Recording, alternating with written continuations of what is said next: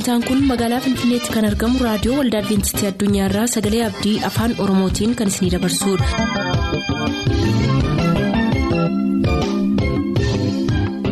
harka fuuni akkam jirtu kabajamtoota dhaggeeffattoota keenyaa nagaa fayyaanne waaqayyo bakka jirtan maratti isiniif haa baay'atu jechaa sagantaan nuti har'aaf qabannee isiniif dhiyaannu sagantaa maatiif sagalee waaqayyoo ta'a gara sagantaa maatiitti haa dabarru.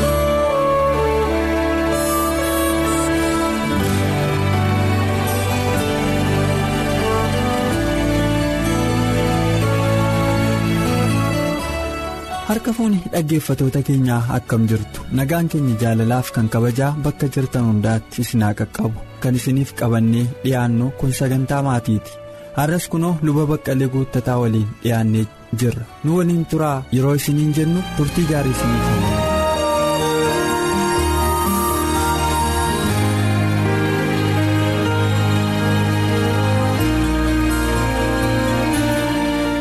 miigaa paaster qabaa maatiin ijoollee isaaniif gochuu qaban keessaa tokko maatiin ijoollee isaanii hojii barsiisuun tokko akka ta'e nu gorsitanii turtan miigaa har'as. Gaaffii kan biraa tokkoon isin gaafachuu barbaada buurri waldaas buurri dhaabbilee hundumaas maatii irraa jalqabaa jenneerra kanaaf maatiin buura kan hundumaa ta'uuf immoo maatii keessaa namni sirrii ta'e namni sammuunsaa gaarii ta'e achi as dhufaa adeemuun dirqamaa jenneerra. Kana keessatti al tokko tokko dargaggoonni keenya dirqama garaagaraa maatii dhaabbachuutti yeroo dhufan keessattis rakkinni hin mudata fakkeenyaaf yeroo cidha isaanii cidha godhachuu irratti al tokko tokko maatii haadhaaf abbaa hiyyoomsanii cidha godhachuun jira yeroon akkas jedhu baasii humnaa olii baasanii jechuudha akkuma isin jettan galii utuu hin qabaatiin cidhatti yommuu galu.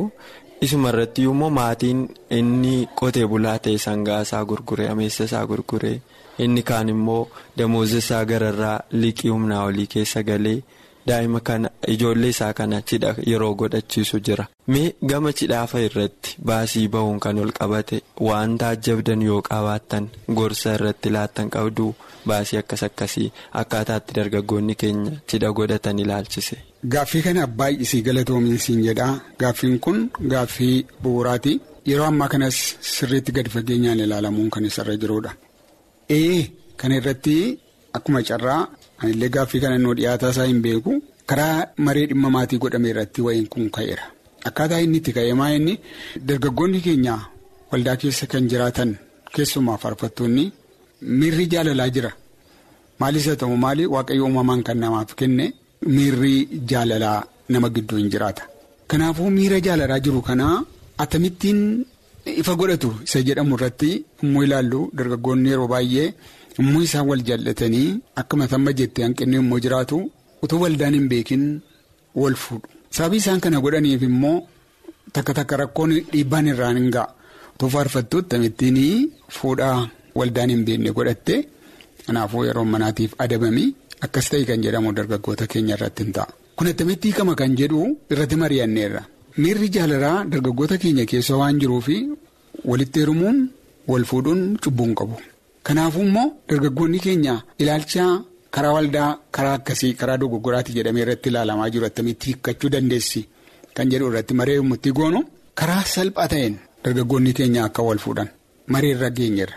Karaa salphaa ta'e jechuun attamii yookiin waldaan waan waldaa keessatti yommuu hojjetamuudhaaf jedhu wanta salphaa ta'e baasii bal'aadhaaf kan isaaniin hin afeerre uffata cidha ittiin walitti heeruman illee yoo ta'e waldaan qopheessitee fi yuunifoormii kan ta'e qopheessitee fi nama hundumaaf walqixxee kan ta'e hiyyeessaaf sooressa utuu hin jedhin walqixxee kan ta'e yuunifoormii qopheessitee fi ergisuufis haa ta'u karaa salphaa karaa yaa'uus haa ta'u akka ishee wal fuusiftu akka gootu.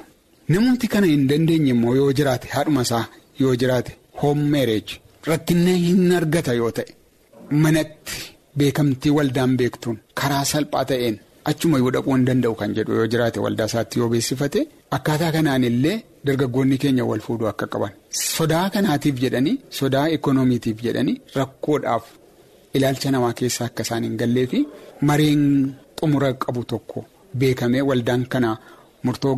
qajeelaatti dhufte haala dargaggootaaf karaa isaaniitti wal fuudhan akka mijeessituuf kan jedhu walgahii keenya yeroo darbe dhimma maatii irratti mari'anne irratti yaada kana kaafnee geggeessitoota waldaa wajjiniinis marii gooneerra. waaqayyo sinaa eebbisu dhuguma isaa dubbachuuf paaster wantoonni kun akkas hin jalqabdan kanatti itti fufee kan hojjetamu yoo ta'e rakkinni dhaloota kana gidduu jiruun furama jedhee namana sababni isaa dargaggoonni obboloonni keenya inni kaan waan ittiin baasii baasee fuudhu dhabuudhaan kara barbaachisaa hin taane yeroo fuudhu inni kaan immoo abaluu baasii ammanaa baasee cidha godhate anis akkamittiin kanaa gadi godha jechuudhaan. liqii humna isaa olii kan bara isaa guutuu isarraa hin baane keessa seenuudhaan rakkina keessa otoo jiraniiti kan hawaasa keenya keessaa arginu kanaaf rakkoo kana irratti waan dammaqxaniif waaqayyo sinaa eebbisu miigaa gama jaalalaattiin immoo sin deebisa al tokko tokko erga wal fuudhanii egaa namoonni jireenya haaraa jalqabu namoonni lamaanuu isheen tokkos akka kaleessa bakkeetti beekuu. ta'uu dhiisuu dandeessi yeroo dhufte cidha booddaa gara jireenya walii wajjinii jalqaban innis akka isheen bakkeetti isa beektu ta'uu dhiisuu danda'a rakkinoota akkasii kana gidduudhaa kan dhufu dargaggoonni akkamitti keessa darbuu danda'u waan gorsitan qabdu. Baay'isii galatoomee kuni mudannoo maatiiti mudannoon kuni dhaloota haaraa amma keessa jiru kanattis ta'e dhaloota darbe keessattiyyuu mudannoon hin jiraata dhuguma akkati jette. Namni ani yoon taa'ee tilmaamee ilaale utuu waliin fuudhiniin fuula duraa kan inni wal beeku even an 50% dheedhee kaa'uun hin danda'a. Maaliif erga wal fuudhanii booddee mudaa baay'ee wal irratti argu haati manaaf abbaan manaa. Dura kan isaan ittiin seenanii miira jaalalaa duwwaadha. Amma itti wal fuudhanii miira jaalalaa duwwaa miti miira jireenyaa qabatee dhufa. Miirri jireenyaa kun immoo kallattii baay'eedhaan kara jireenya isaaniitti kan dhufee dandeettii isaanii madaaluudha. Inni duraa. Jaalala isaanii duwwaa kan madaaluudha utuu waliin fuudheen fuuldura amma garuu dandeettii mana bulchuu dandeettii wallaajiin buluu dandeettii firaa wajjiniin buluu dandeettii maatii ofii bulchachuu waan baay'ee qabatee kan dhufu waan ta'eef yommuu kun dhufu gara isaatiinis hanqinni baay'een utuu mul'atu argiti gara isheetiinis hanqinni baay'een utuu jiru argama. Kanaaf egaa maal ta'uutu irra jira barachaa adeemuu sana keessatti walirraa barachaa wal gorsaa wal danda'aa. Adeemuutu irra jira. Chaalenjiidha. Maatiin salphaa miti. Wantuma akka bakka lafa kolleetti taphatanii gargar ba'anii miti. Chaalenjii guddaa qabaa chaalenjii sanaa akkamittiin taakelii godhan yookiis eeganii keessa darban wal barsiisuu danda'utu irra jira. Kanaaf ati manaaf abbaan manaa erga wal fuudhanii booddee utuu waliin fuudhanii fuuldura illee wal yaadachiisuun baay'ee barbaachisaadha.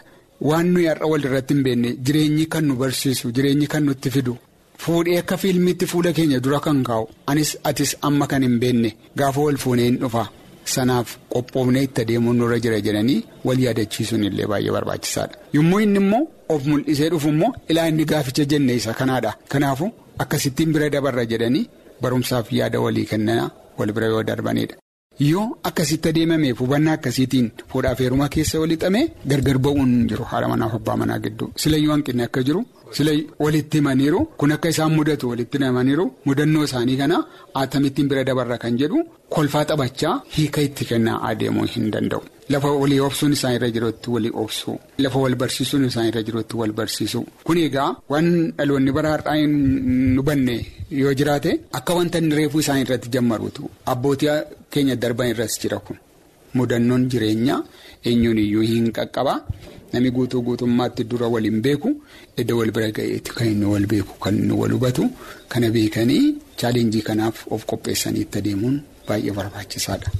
Waaqayyo isinaa eebbisu wanni namaan oolle tokko dursanii beekuun yookiis namni maatii dhaabu tokko nama mul'ata hin qabne namoo akkasumaan akka hin taane dursee waan isaan mudachuu danda'u gara fuulduraatti nu mudata jedhee yaaduu danda'u tokko dursee infoormi wal gochuun walitti himuun.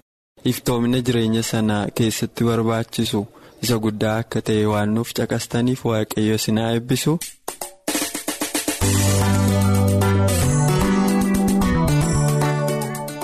kan jaallatamtan kabajamoo dhaggeeffatoota keenyaa turtii hamma yoonaatti nu waliin gootanitti akka eebbifamtan shakkii hin qabnu nus obsa keessaniif baay'ee isin galateeffanna har'aaf kan jenne sagantaa maatii as irratti xumuruun dura faarfannaa kanaan eebbifamaa.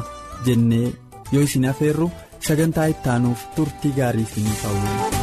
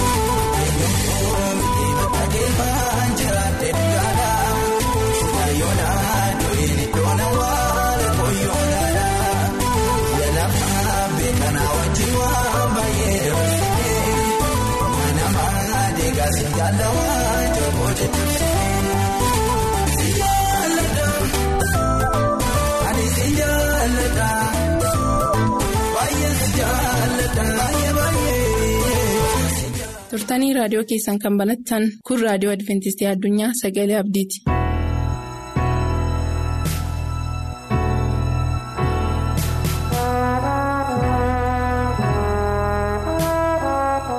attam jirtu dhaggeeffattoota sagalee abdii nagaan waaqayyoo isiniif haa baay'atu bakka bakka jirtan hundumaatti ani maqaan koo efreemoo waggaariin jedhama mata duree yeroo ammaa kana utuu isiniif hin qoodiniin fuuldura mataa keenya gadi qabannee bakka bakka jirrutti kadhata gabaabaa godhan.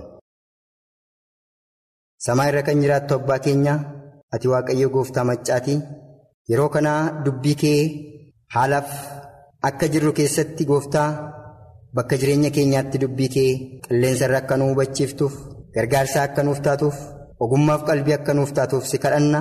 Fuula keessa dura jira hubannaa dubbii keetiin gara jireenya keenyaatti dhiyaadhu. Samaayifis nu qopheessi kiristoos yesus jaallatamaadhaan amiin.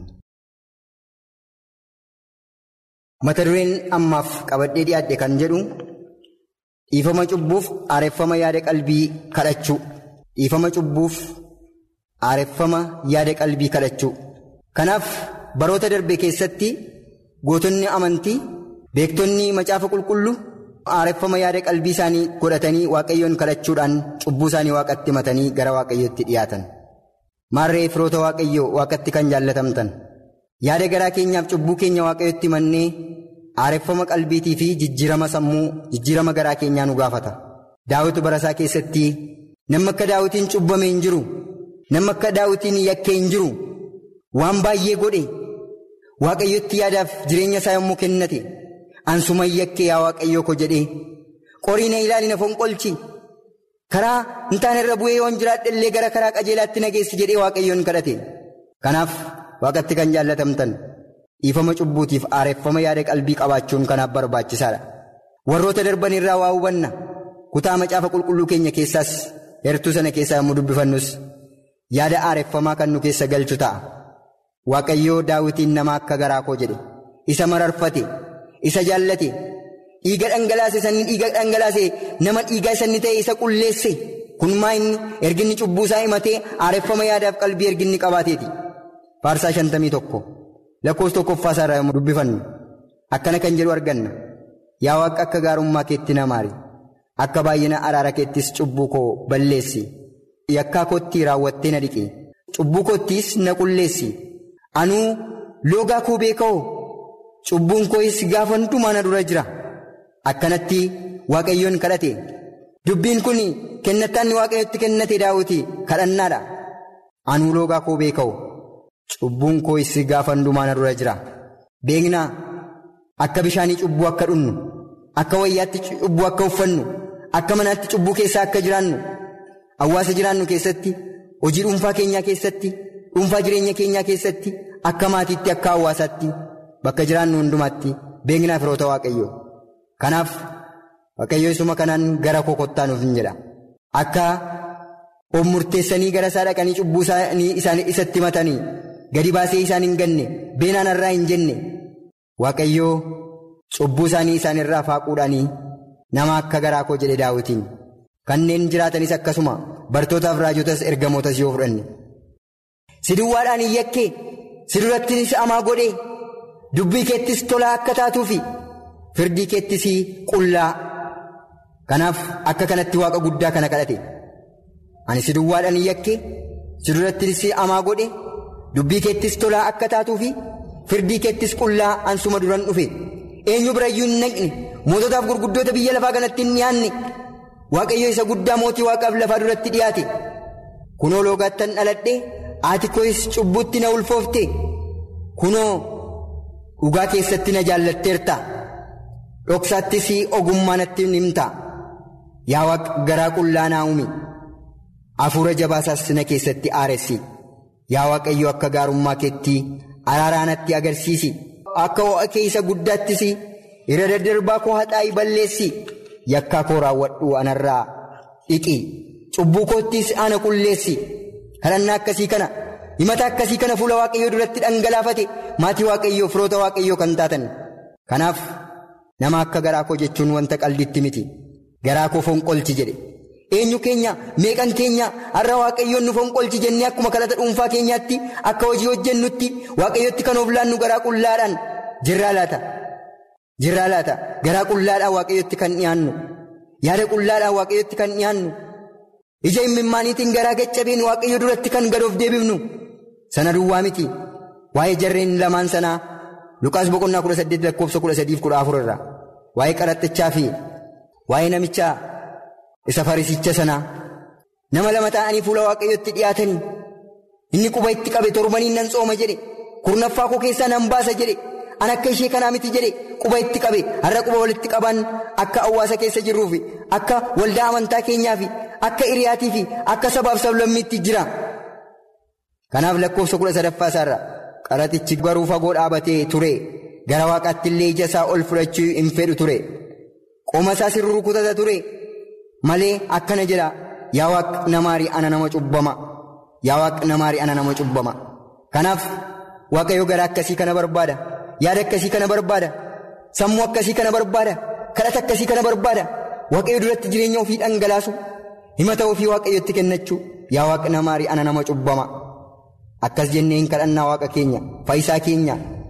Isinii nan jedha inni kun isa sanarra caalaa qullaa'ee akka gale ol kan of qabu hundinuu gadi hin deebi'oo gadi kan of qabus oliin qabama.